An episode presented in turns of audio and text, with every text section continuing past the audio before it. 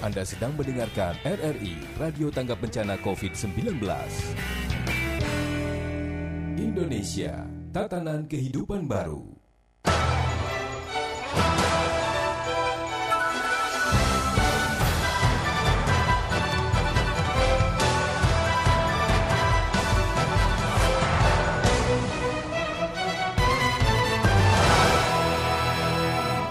Dialog pagi bersama Anda kembali pendengar untuk edisi hari ini Jumat 28 Agustus 2020 dan kita masih membahas mengenai masih perlukah masker ya. Di mana sosialisasi sosialisasi ini sudah dilakukan oleh berbagai pihak termasuk juga pembagian masker. Di Kabupaten Cirebon juga ada gebrak masker. Namun e, seperti apa juga apakah memang masyarakat di wilayah kota dan Kabupaten Cirebon atau di wilayah Ciayu Majakuning masyarakatnya apakah sudah uh, taat terhadap protokol kesehatan dengan uh, menggunakan masker ketika beraktivitas di mana kita juga uh, tidak menutup mata masih banyak yang uh, abai dengan penggunaan masker ini. Dan Pagi ini kita akan bahas pendengar bersama narasumber narasumber yang sudah siap dan untuk Anda nanti yang ingin bergabung bisa telepon 0231 8493259 bisa juga SMS dan WhatsApp ke nomor 081324951935. Saat ini saya sudah tersambung uh, di Zoom ya, live Zoom. Ini ada Dr. Ahmad Faris Zamzam Zain Melvi SPPD sebagai Ketua ID Kabupaten Cirebon. Saya sapa terlebih dahulu. Assalamualaikum, selamat pagi dok. Waalaikumsalam warahmatullahi wabarakatuh. Iya, sehat ya dok ya? Terdengar mas? Ya? Terdengar? Terdengar, terdengar, terdengar dok. Oke. Okay. Okay, okay. Kemudian pagi Apa ini juga. Mas? Alhamdulillah sehat. Pagi ini kita juga bersama Pak Solihin di ujung telepon. Ini adalah Camat Ciledug Kabupaten Cirebon. Assalamualaikum Pak Solihin. Waalaikumsalam warahmatullahi wabarakatuh. Selamat pagi, salam pagi. sejahtera bagi kita semua. Baik, apa kabar sehat ya Pak Solihin? Alhamdulillah sehat. Salam lagi sehat. Lagi di mana Pak? Lagi di Ciledug sekarang? Di kantor. Oh, lagi di kantor. Siap. Ini kita masih memba uh, mem kita membahas mengenai masker. Saya ke Hmm. Pak ini dulu Pak Solihin dulu mungkin ya Pak Solihin. Di ya. wilayah Ciledug seperti apa? Pembagian masker sebetulnya saya informasinya sudah sudah lama saya dengar bahwa Pak Camat ini bekerja sama gitu ya dengan uh, para kuwu untuk membagikan masker kain ketika itu bulan-bulan yang ya. lalu ya. begitu. Dan saat ini seperti apa? Apakah memang masyarakatnya sudah patuh maskernya dipakai enggak sih gitu kan? Silakan Pak Camat. Ya begini, ketika kita awal masuki masa corona ketika bulan April ya itu sudah gencar-gencarnya. Maret nah, kemudian. Hmm. Maret ya, ya bulan Maret ada Maret April lah itu sudah sudah masuk di uh, corona itu. Hmm. Nah kemudian kami di Ciledug itu ngambil sikap untuk uh, mengatasi masalah masker ini Yeah. Dan memang desa itu 10 desa yang ada di kecamatan kami, kecamatan Ciledug ini menganggarkan dari dana desa untuk pembelian masker. Yeah. Bahkan bukan untuk masker saja, tapi untuk desinfektan. Kala itu APD dan hmm. sebagainya, hmm. itu semua dari dana desa. Nah kemudian untuk masker rasionya itu saya sampaikan kepada para kuwi ini menghitung jumlah penduduk, hmm. menghitung jumlah penduduk.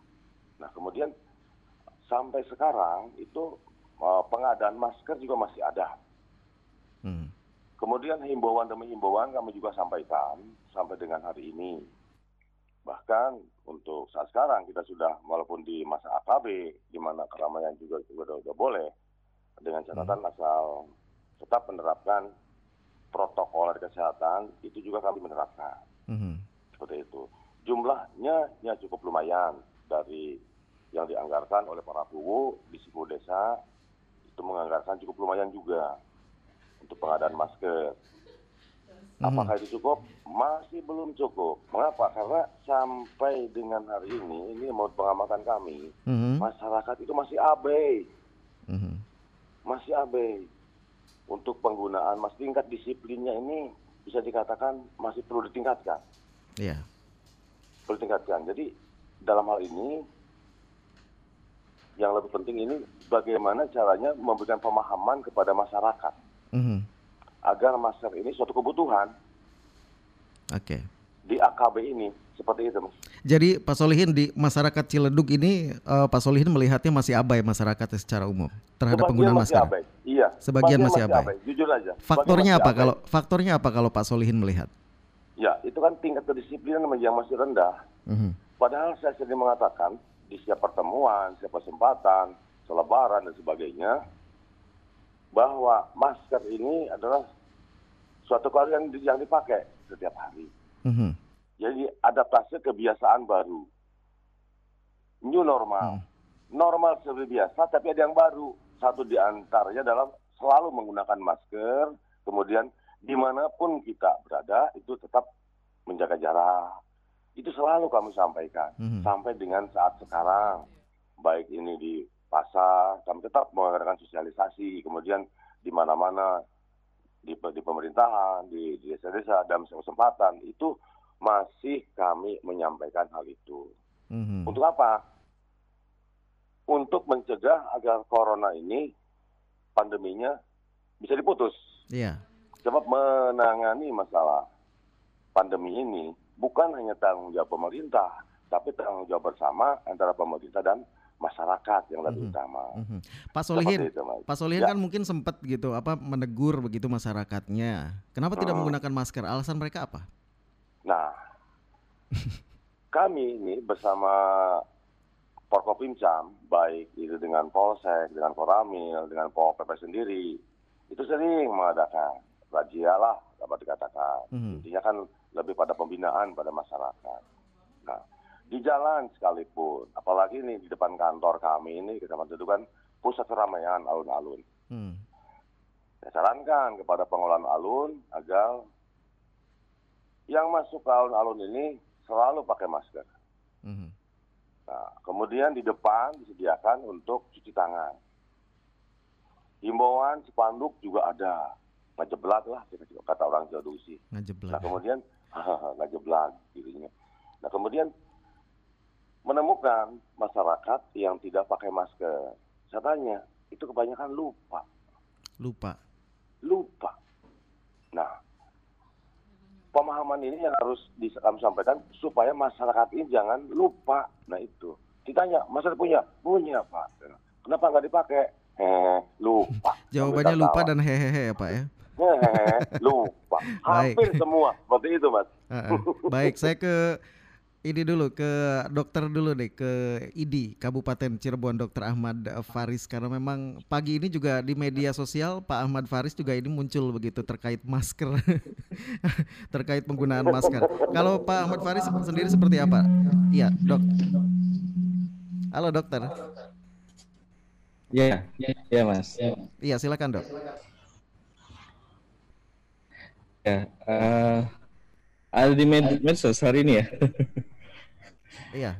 Ya, uh, mengenai uh, masker, masker sendiri memang ini uh, uh, merupakan ke depan ini salah satu dari poin AKB adalah masker menjadi salah satu pakaian wajib ya, pakaian penting ya. Kalau uh, baju celana ini saat ini uh, merupakan pakaian yang menutup uh, aurat ini uh, masker ad, uh, adalah menjadi uh, pakaian untuk menghindari hmm. kita dari uh, COVID. Ya, uh, masker memang ada setidaknya kita ada masker kain yang kita bisa pakai uh, dari bahan pakaian apa pun ya ke, ke, kemeja atau uh, uh, misalkan pakai uh, jilbab atau uh, kaos ya. Kemudian bisa ada juga masker bedah istilahnya ya surgical mask atau masker bedah.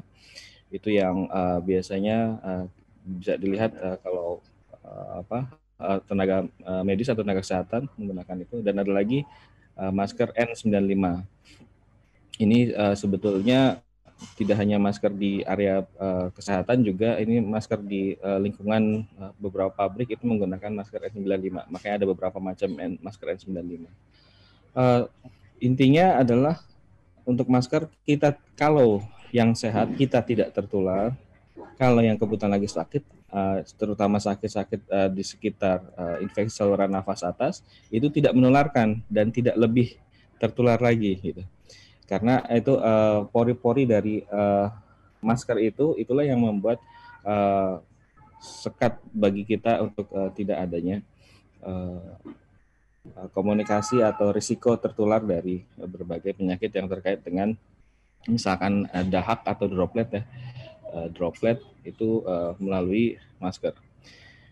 Nah, uh, yang menarik di sini memang uh, manfaat masker atau fungsi masker itu uh, cukup besar perannya pada uh, konteks per individu atau tiap orang. Itu memiliki nilai uh, proteksi lebih 10 persen, ada yang melakukan 12,6 persen, ada yang melaporkan lebih dari 20 persen dan seterusnya. Uh, ini kalau misalnya kita lakukan per individu, artinya uh, kalau misalkan ada 10 orang dalam satu ruangan, semuanya pakai masker, maka kemungkinan penularan itu ya kurang lebih yang risiko tertular itu satu, hmm. satu orang. Kalau tidak menggunakan masker kain, Ya. Kalau tidak menggunakan masker sama sekali? Kalau tidak menggunakan semuanya kena ya. Dia berhadapan dengan sisanya. ya. Itu uh, eh, 8 sampai 9 orang. Gitu. Itu cukup tinggi kalau misalnya kita tidak menggunakan masker. Nah, namun ada ada penelitian lain ini uh, yang uh, jadi penelitian ini bagusnya itu dia tidak hanya melihat efek uh, kesehatan ya, uh -huh. tapi juga melihat dampak terhadap ekonominya, yaitu uh, penggunaan masker itu me, me, mencegah kalau misalnya dilakukan secara secara nasional, secara masif, itu um, mencegah penularan COVID se, dengan efektivitas yang sama dengan lockdown, yang kurang lebih sama hmm. dengan lockdown. Kita ingat masa PSBB, PSBB itu kan sebetulnya kalau dalam uh, terminologi di luar negeri itu uh, masih partial uh, lockdown ya. Hmm. Tapi uh, ini sesuai apa uh, seefektif dengan lockdown. Maka bisa kita bayangkan hanya dengan menggunakan masker tapi dilakukan secara uh, bersama-sama hmm. misalkan seluruh satu masyarakat uh, desa atau masyarakat kota maka efektivitasnya kurang lebih sama dengan lockdown. kita melakukan lockdown dengan uh, jelasnya per, tidak mengurangi produktivitas seseorang yang bekerja ya hmm. apa institusi atau perusahaan yang melakukan kegiatan ekonomi dan seterusnya sehingga uh, dampak ekonominya pun tetap berjalan dampak ekonominya ya? pun ya ini ya apa, uh, tetap terjaga dengan menggunakan masker uh, inilah um, kenapa uh, ya baik uh, para uh, praktisi kesehatan maupun uh, saya secara pribadi ini uh, mengenai masker ini memang uh, cukup kencang lah kita hmm. untuk uh, mempromotkan mempromosikan karena uh, selain mudah penggunaannya uh, kita berharap uh, ini kita bisa mencegah penularan ya karena uh, kontak uh, utama atau uh, jalur utama dari uh, terutama COVID ini adalah melalui droplet yang lewat terhirup dari saluran nafas atas. -huh. Maka kalau misalnya saluran nafas atas ini kita buat penyaringan, nah ya risikonya akan jadi ren lebih rendah. Mm-hmm. Dok, sekarang kan adaptasi kebiasaan baru begitu dok, dan ya. artinya kita sudah tidak PSBB lagi, tidak ada lockdown begitu, dan artinya eh, saat ini yang terjadi begitu di beberapa kota, di beberapa kabupaten kasusnya eh, tetap bertambah, artinya itu karena faktor masker, seperti itu dok? Ya, uh, mengenai uh, AKB dan uh, temuan kasus baru, memang uh, kalau saya secara uh, uh, pribadi maupun uh, dari sebagai ID ya, hmm. melihat AKB ini memang bukan uh, jadi gini, AKB itu tidak seiring atau paralel dengan uh, ini ya apa uh, temuan kasus baru. Hmm. Karena AKB itu adalah proses persiapan adaptasi. Oke. Okay. Kita nih nanti setelah AKB ini ada ada real new normalnya ya. Hmm Gitu. Sama halnya kayak misalkan ada masa percobaan eh, pengguna apa menyalakan lampu motor. Itu kan ada masa percobaan di mana semua ada yang masih menyalakan, ada yang enggak gitu kan segala macam. Nah, ini adalah masa percobaan untuk itu. Nah, selama masa ini otomatis kayak misalnya mungkin ini polisi polisi masih menemukan banyak sekali yang tidak menyalakan motor saat itu misalkan gitu. Artinya uh, pada saat uh, adaptasi aturan tersebut justru mata kita sedang kenceng-kencengnya melihat jum, berapa jumlah dibandingkan sebelum-sebelumnya kita yang nggak pernah mencoba untuk menghitung gitu kan. Nah sama halnya pada saat AKB ini di mana sebetulnya tetap dilakukan uh, paling baik adalah dilakukan deteksi massal tentang uh, pemeriksaan swab secara masif pada masyarakat kalau misalkan ini mampu masing-masing pemerintah. Nah, kemudian sambil mempersiapkan masyarakatnya di uh, untuk protokol kesehatan yang salah Baik. satunya adalah penggunaan masker.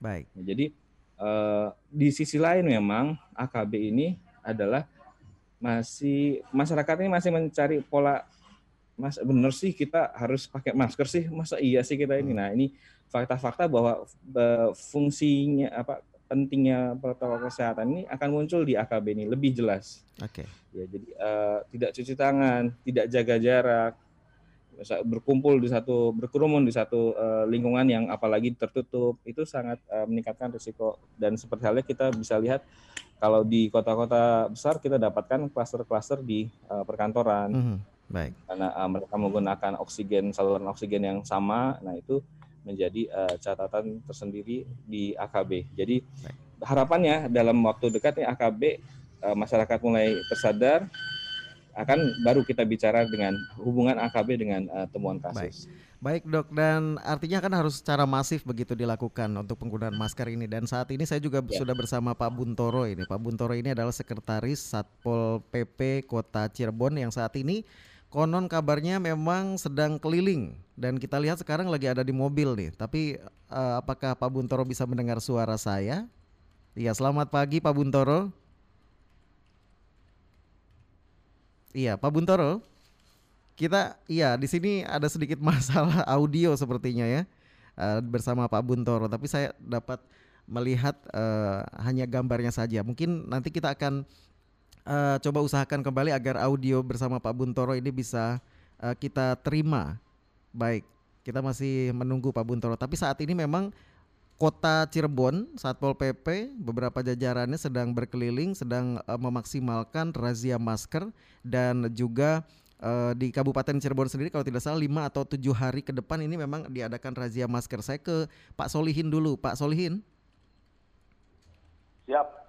Pak Solihin, ini kan di Kabupaten Cirebon sendiri juga ada gebrak masker begitu ya. Apakah ya. sudah sudah ya. sudah sampai juga ke Ciledug? Oh iya.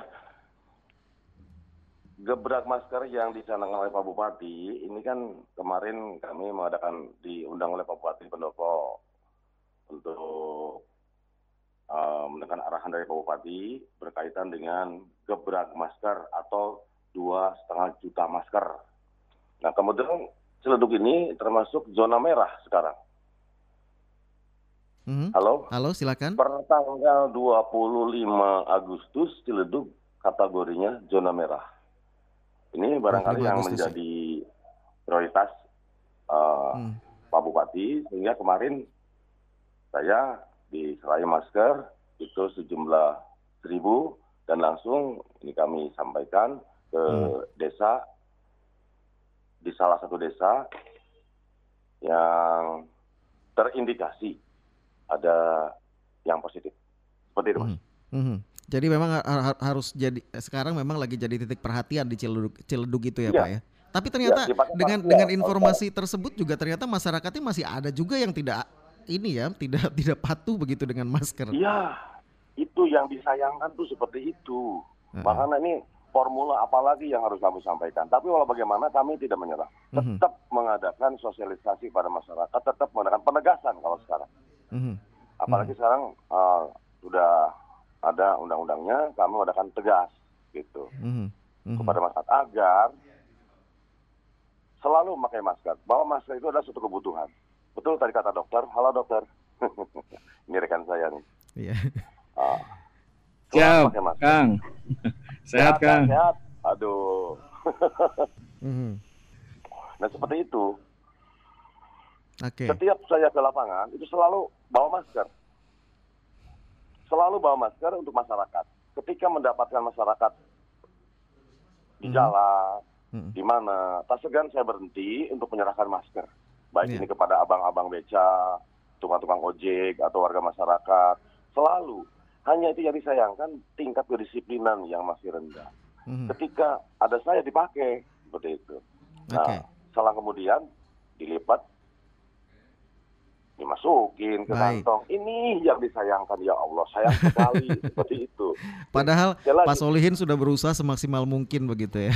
Kami ah. berusaha tidak mungkin. Kemudian kami juga mengaktifkan gerakan-gerakan oh, organisasi-organisasi hmm. wanita seperti itu.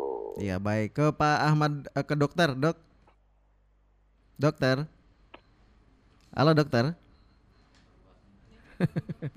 ya, halo. Ya. Oh, ya, halo. sudah sudah sama sama sama Pak Guntoro ya.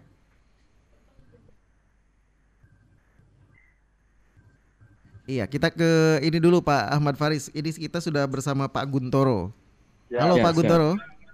Ya, selamat pagi Pak. Ah, iya, tadi saya cuma melihat gambarnya saja Pak. Suaranya ya. tidak bisa saya dengar Pak Gun Pak ini Guntoro. Ada, ada gangguan di lapangan Pak. Oh gitu. Jadi sekarang sedang keliling-keliling ya Pak ya? Ya, kita mobile dengan rekan-rekan dari GoExer di tingkat kota mm-hmm. uh, untuk mengingatkan masyarakat melakukan kegiatan sosialisasi, pembinaan, pengawasan dan pengendalian, mm-hmm. terutama terkait pemakaian masker. Mm-hmm. Uh, jadi rencana berapa berapa lama Pak? Apakah hari ini saja atau beberapa hari ke depan akan melakukan razia masker Satpol PP?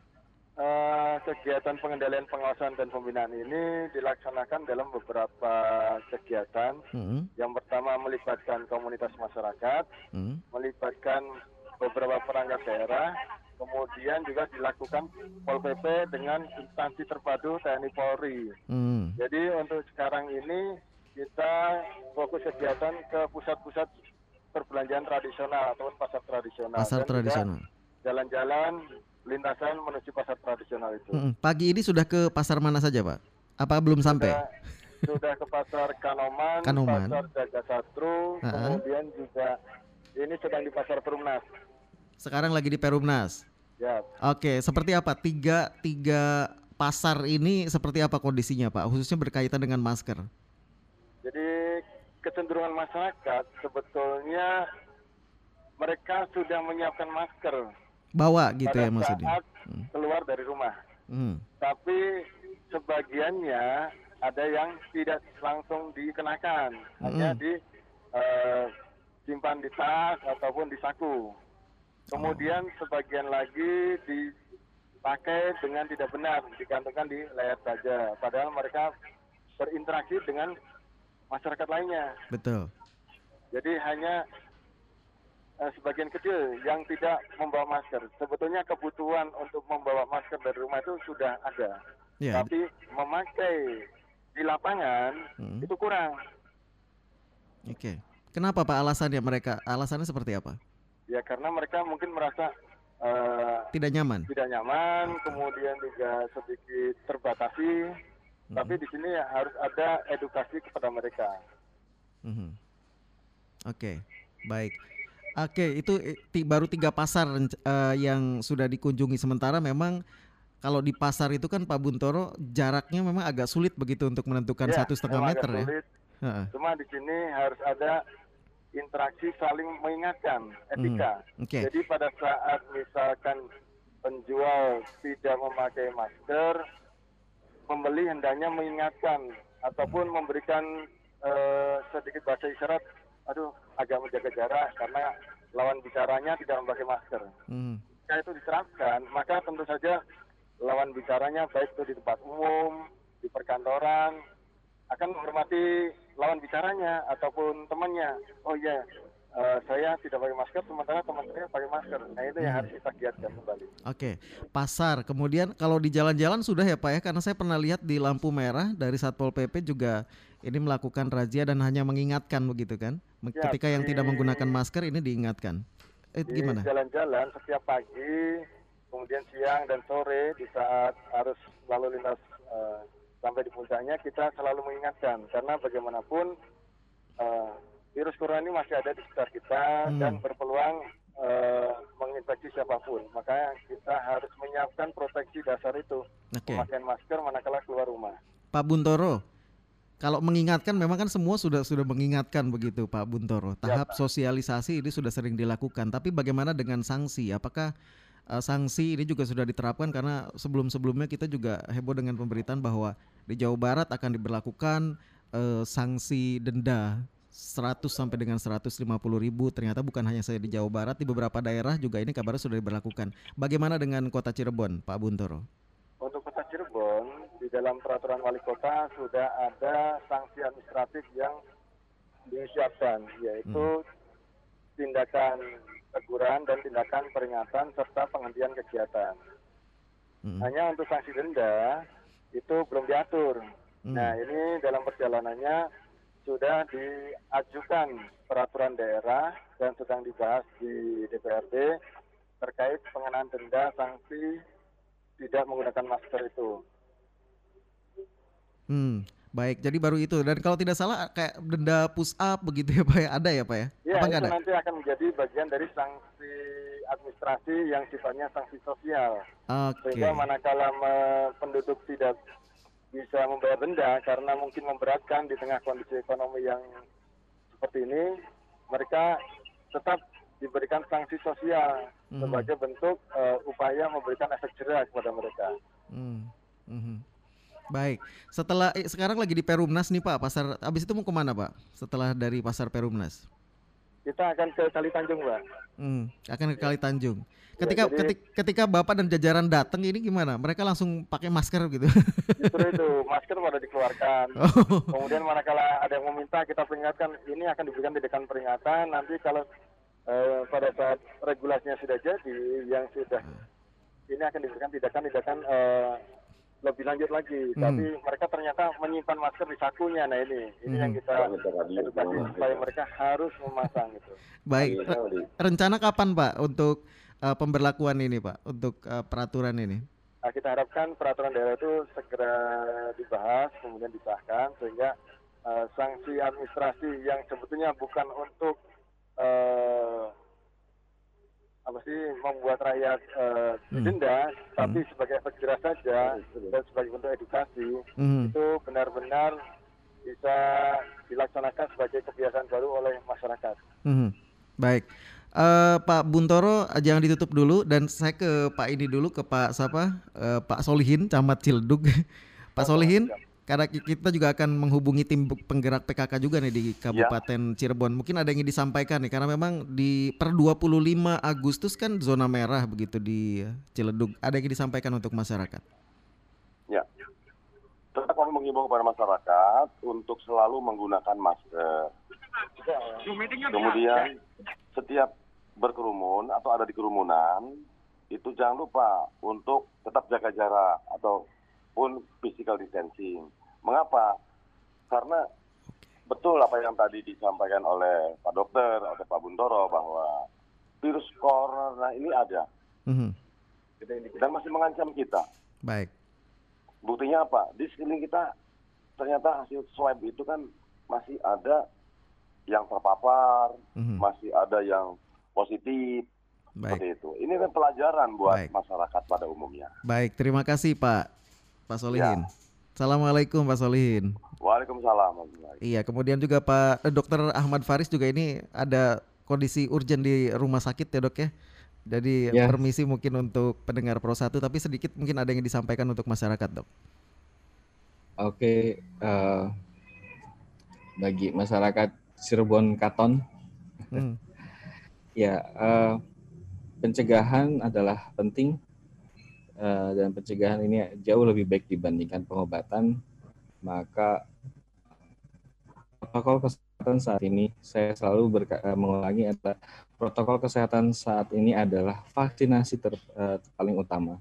Hmm. Sehingga uh, dalam dalam konteks pencegahan maka melakukan protokol kesehatan yang di dalamnya salah satunya adalah penggunaan masker menjadi penting. Mari jadikan masker ini uh, salah satu pakaian sehari-hari kita untuk men, uh, menghindari kita dari uh, terutama terutama dalam hal ini adalah COVID-19. Mm-hmm. Uh, semoga uh, dengan sama sama-sama kita merasa COVID ini menjadi masalah bersama, ada kesadaran bersama, uh, yang merupakan ini ikhtiar kita sebagai manusia. Mudah-mudahan segera COVID ini selesai di Indonesia terutama. Baik. Terima kasih dok waktunya bersama RRI dok. Selamat Terima bertugas kasih. dok. Iya dan uh, kita baru, baru saja berbincang juga bersama Bapak Ahmad Faris Malfi Zamzam Zain dan kita akan menghubungi juga uh, tim penggerak PKK. Tapi saya ke Pak Buntoro dulu, Pak Buntoro. Pak Buntoro, ini juga disampaikan oleh Dokter Faris begitu dari ID Kabupaten Cirebon. Memang ternyata kalau misalnya masker ini di, dilakukan secara masif, ini akan sama hasilnya dengan lockdown begitu. Jadi, tapi ternyata masih ada juga banyak begitu ditemukan, bukan hanya saja di kota, tapi di Kabupaten Cirebon masyarakat tidak menggunakan masker. Artinya Satpol PP sendiri apakah punya uh, formula khusus begitu karena sudah gemes banget gitu kan? Seperti apa Pak Buntoro? Ya, jadi kita akan mengingatkan kepada penyelenggara-penyelenggara keramaian, baik itu penyelenggara perdagangan, kemudian juga penyelenggara jasa, karena masyarakat keluar rumah itu kan untuk melakukan perdagangan, transaksi jasa, ataupun bekerja, agar para hmm. penyelenggara itu mengatakan kembali, mengingatkan kembali baik pegawai, karyawan, ataupun pengunjung hmm. yang beraktivitas di sentra perdagangan, jasa, dan tempat kerja itu patuh terhadap protokol kesehatan, terutama pada saat mereka berinteraksi antar teman. Boleh jadi mereka saling mengenal teman, tapi tidak tahu teman tersebut berinteraksi dengan siapa di hmm. luar komunitas itu. Sehingga okay kita saling mengingatkan memakai masker pada saat berinteraksi di mana pun. Hmm. Baik. Ya. Pak Buntoro, terima kasih waktunya bersama RRI, Pak Buntoro. Selamat ya, beraktivitas kembali. Salam untuk Pak Andi ya. ya Masih di. Baik, assalamualaikum. Oke, baik itu Pak Buntoro, Sekretaris Satpol PP Kota Cirebon dan kita ingin tahu juga berkenaan uh, tim penggerak PKK Kabupaten Cirebon yang saat ini juga tengah gencar melakukan sosialisasi kemudian pembagian masker juga di wilayah Kabupaten Cirebon saat ini. Di line telepon saya sudah bersama Ibu Yuniawan. Ya, Assalamualaikum Ibu. Waalaikumsalam warahmatullahi wabarakatuh. Sedang ada di mana Ibu? Ini saya kebetulan lagi uh, kalau Jumat Barokah hari Jumat dengan hmm. Ibu. Ada Jumat Barokah. Ada Jumat Barokah. Iya, Oke. Okay. Ya, ya. Nah, Ibu De ini dengan Ibu ya? Hmm. Dengan Ibu siapa? Dengan kalau Jumat Barokah uh, ketuanya Ibu Sekda. Ibu Sekda. Iya. Uh, iya. Baik. Ibu Yuniawan, ini kan kita sedang membahas mengenai uh, masih perlukah masker dan ternyata uh, ada juga di Kabupaten Cirebon ini program gebrak masker dan kabarnya informasi yang saya terima uh, tim penggerak PKK juga terjun di dalamnya. Silakan Ibu. Alhamdulillah ya betul sesuai dengan instruksi Ibu Ketua Tim Penggerak PKK Provinsi Jawa Barat bahwa kita harus mengadakan gebrak masker ke e, disosialisasikan ke kecamatan maupun desa. Dan alhamdulillah pada tanggal 18 Agustus kemarin hari Selasa kami tim penggerak PKK Kabupaten Cirebon mengadakan pencanangan e, launching di e, bertempat di pendopo Rumah Dinas Bupati Jalan Kartini nomor 1 dan yang diundang itu adalah ibu-ibu ketua tim penggerak PKK kecamatan dan ke Kabupaten Cirebon dan OPD-OPD yang ada di Kabupaten Cirebon. Mm -hmm. Dan kabarnya Serta organisasi wanita yang ada di Kabupaten Cirebon. Oke. Okay. Ibu Yuniawan, ini kabarnya untuk PKK sendiri sudah menyebarkan uh, masker ini sekitar satu juta di ya, 40 betul. kecamatan begitu. Iya, iya betul. Uh, uh, ini uh, mungkin ini uh, saya informasikan bahwa kami menerima masker dari tim penggerak PKK Provinsi oh, Jawa Barat. Oke. Okay. Semuanya ada 12.421. Semula memang di dalam penerimaannya 13.000 tetapi setelah dihitung hanya ada 12.421. Hmm. Dan uh, 14 12.421 kemarin uh, kami bagikan ke 40 kecamatan. Jatuhnya per kecamatan 325 masker dan alhamdulillah Ibu Ketua Tim Gerak PKK Kecamatan bekerja sama dengan Ketua PKK Desa dan para guru menganggarkan dari dana desa. Mm-hmm. Pak Bupati menginstruksikan kepada kubu-kubu untuk dianggarkan untuk pengadaan masker dari dana desa. Dan mm. alhamdulillah dari dana desa tersebut eh, eh, se Kabupaten Cirebon jumlahnya keseluruhan ada satu juta tiga ribu empat ratus tujuh masker. Mm. Uh, itu da, da, dari swadaya masyarakat ada enam puluh tujuh ribu dua ratus sembilan puluh dua dan dari OPD atau ASN serta uh, ada 800 masker. Jadi semuanya satu juta delapan ratus delapan puluh tiga seratus dua puluh masker yang sudah disebar kepada warga hmm. masyarakat. Yang sudah disebar Kabupaten. kepada masyarakat di Kabupaten Cirebon. Ya. Artinya dari seluruh kecamatan di Kabupaten Cirebon ini sudah tersebar, tidak ada kecamatan yang terlewatkan.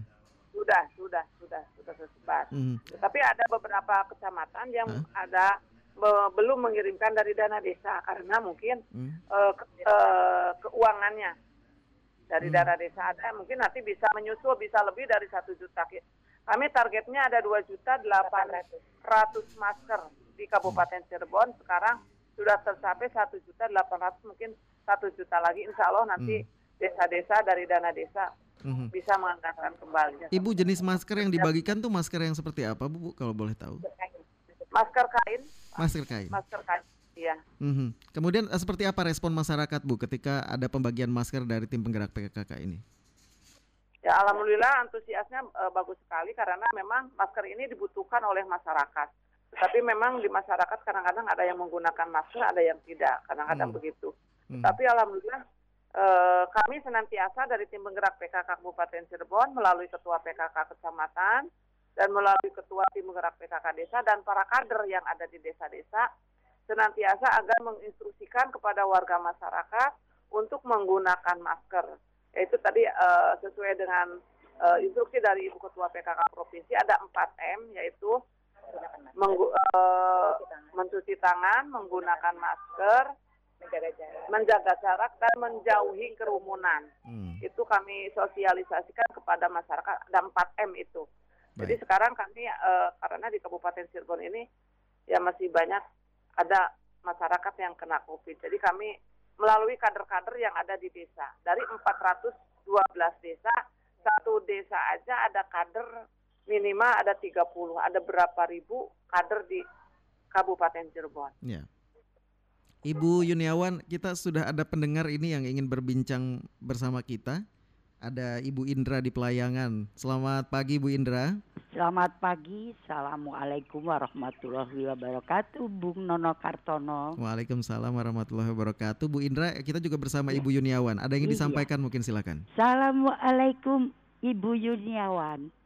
Waalaikumsalam warahmatullahi wabarakatuh, Ibu. Wah, hebat banget nih 4 M-nya. Uh, eh, memang kami juga orang awam tapi eh, ingin membantu program pemerintah hmm. apalagi hmm. melawan COVID-19 ini. Nah, eh, kami Bu kalau pakai masker nih eh, kami buat sedemikian rupa supaya gaya ngetren Bu hmm. dan hmm. iya yang yeah. lain akan bertanya waduh asik maskernya iya dong gitu kak eh, dengan kalau upacara kemerdekaan kita sesuaikan. Ada hari apa kita sesuaikan. Ada acara apa, ya. Hmm. Paling tidak dengan baju juga di dikombinasikan gitu. Asik juga loh Bu Yuni. Iya hmm. dan akhirnya banyak pengikutnya begitu. Iya. Hmm. Hmm. Di samping oh. untuk kesehatan. Lalu yang lainnya itu tadi cuci tangan, jaga jarak, nge, uh, apa menjauhi kumpulan. Aduh, itu menolong kita untuk biasanya ewu pakai uh, salaman tidak menyentuh, yeah. tidak cipika cipiki Bung Bara, Bung mm-hmm. Nono, iya, iya.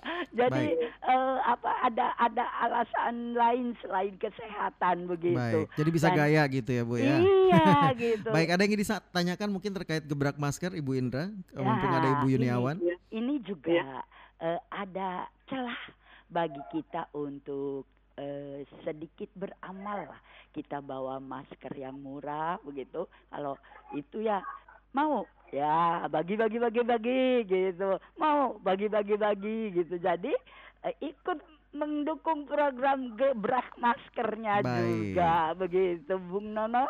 Uh, sedi sesedikit apa pun kita berbakti buat negara kita ini. Baik. mungkin itu. Terima kasih Bung Nono. Terima, terima kasih, kasih juga Ibu Yuni Assalamualaikum warahmatullahi wabarakatuh. Waalaikumsalam warahmatullahi wabarakatuh. Mendukung Ibu Indra dari pelayangan ini mendukung Ibu Yuniawan dan ini juga mungkin yeah. menarik terkait uh, mungkin dengan adanya masker yang apa namanya bagus begitu ya. Ini juga bisa menjadi daya tarik uh, masyarakat agar mau menggunakan masker begitu dan mungkin dari segi kenyamanan juga mungkin ini perlu diperhatikan juga. Ibu Yuniawan silakan tanggapannya.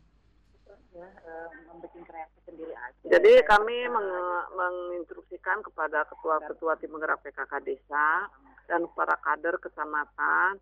Jadi masker ini tidak harus membeli karena mungkin di rumah masing-masing kan memiliki atau kain-kain yang sudah tidak digunakan atau dari, dari kain persa itu bisa e, dibuat menjadi masker. E, dipayetin mau bisa dipayetin mau untuk ke undangan kasih renda itu bisa.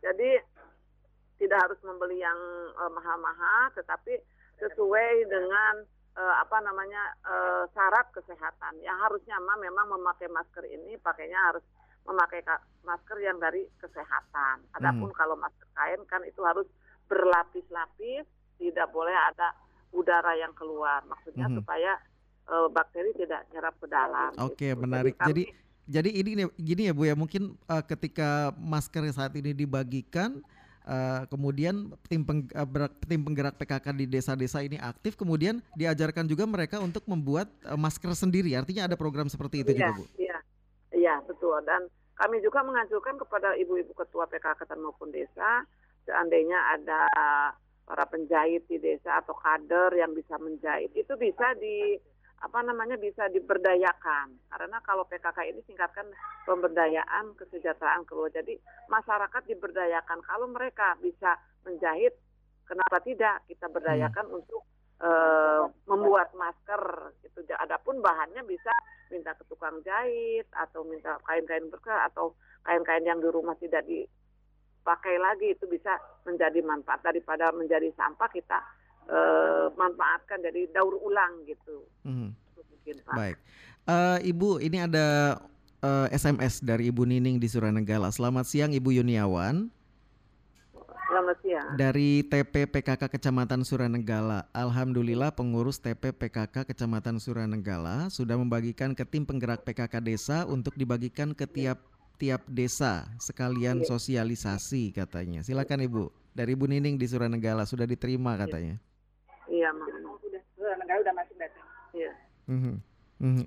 sudah semua silakan mungkin ada yang disampaikan untuk masyarakat Suranegala. Oh.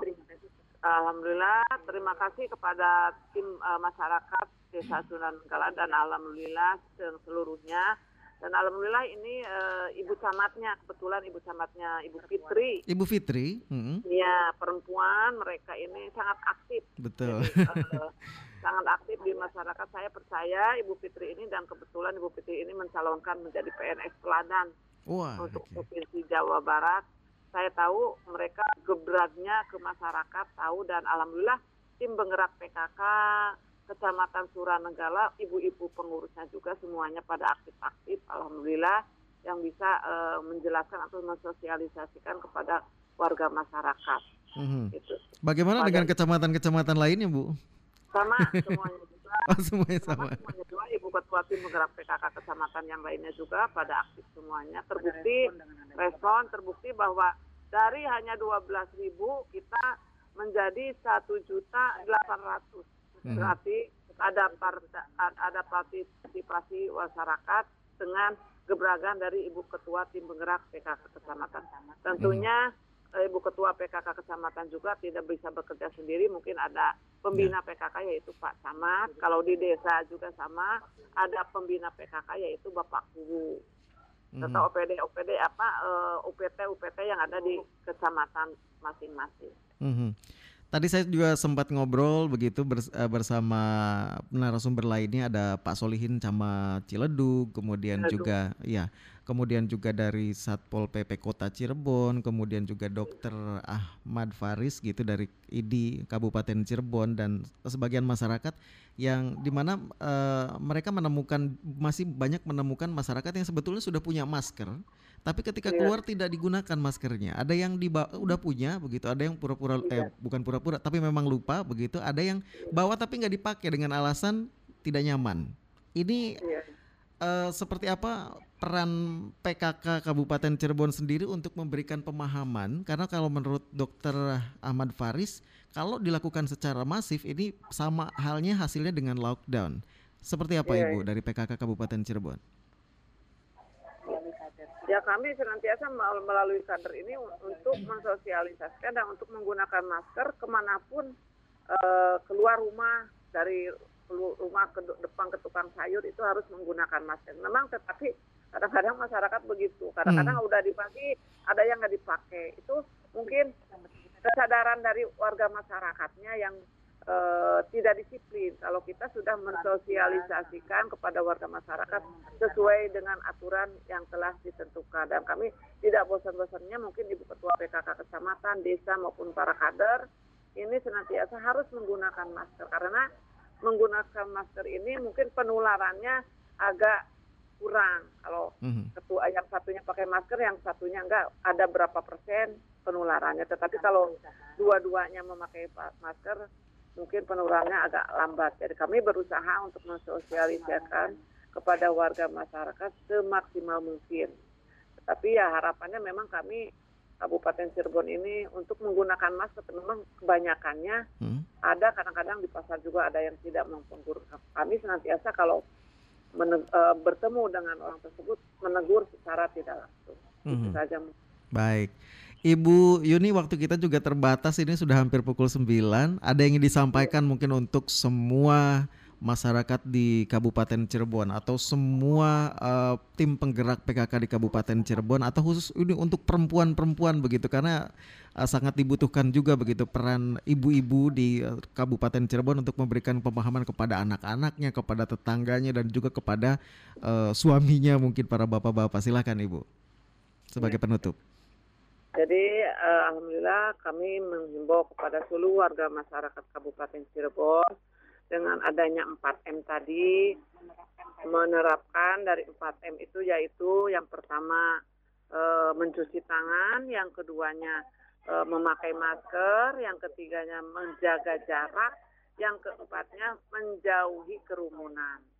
Dan kami harapkan penyampaian ini tidak hanya uh, berupa di dalam rapat atau forum-forum yang lainnya bisa di kelompok pengajian melalui orang tuanya atau melalui anak-anak uh, remaja masjid atau melalui posyandu banyak terobosan-terobosan yang harus disampaikan ke desa-desa atau door to door disampaikan kepada warga masyarakat dan yang terpenting itu adalah kedisiplinan dari warga masyarakat sendiri. Kalau kita hanya memberikan penyuluhan, itu kesadaran dari warga masyarakat. Jadi kami menghimbau kepada seluruh warga masyarakat Kabupaten Cirebon agar mentaati aturan atau e, protokol kesehatan yang telah dianjurkan. Itu saja mungkin karena e, tidak disadari oleh diri sendiri, oleh siapa lagi kita harus menjaga kesehatan dari diri sendiri. Orang lain tidak bisa memberikan kesehatan kepada kita, tapi kita yang harus menjaga kesehatan itu sendiri, yaitu menjaga yang tadi 4M tadi. Minimal itu aja dulu. Mungkin insya Allah penularan COVID-19 eh, di Kabupaten Cirebon tidak eh, cepat apa namanya menular dan kami harapkan mudah-mudahan di Kabupaten Cirebon khususnya atau eh, Indonesia umumnya atau seluruh dunia mudah-mudahan eh, COVID-19 ini segala berakhir dan mudah-mudahan Allah Subhanahu wa taala senantiasa mengangkat penyakit yang sedang kita gandrungi bersama-sama di seluruh dunia. Baik, terima kasih Ibu Yuniawan sudah bersedia berbincang bersama RRI Ibu. Iya iya. Iya, assalamualaikum Ibu. Iya, mangga. Iya dan uh, kita baru saja berbincang pendengar bersama Pak Solihin, Camat Ciledug Kabupaten Cirebon, kemudian Ibu Yuniawan, Sekretaris Tim Penggerak PKK Kabupaten Cirebon, Pak Buntoro, Sekretaris Satpol PP Kota Cirebon, dan Dr. Ahmad Faris Zamzam Zain Melvi uh, dari Ikatan Dokter Indonesia Kabupaten Cirebon. Saya akhiri dialog pagi untuk edisi hari ini, hari Jumat tanggal 28 Agustus 2020 dan kami ucapkan selamat beraktivitas, namun jangan lupa untuk tetap menggunakan masker, jaga jarak, dan uh, rutin untuk mencuci tangan.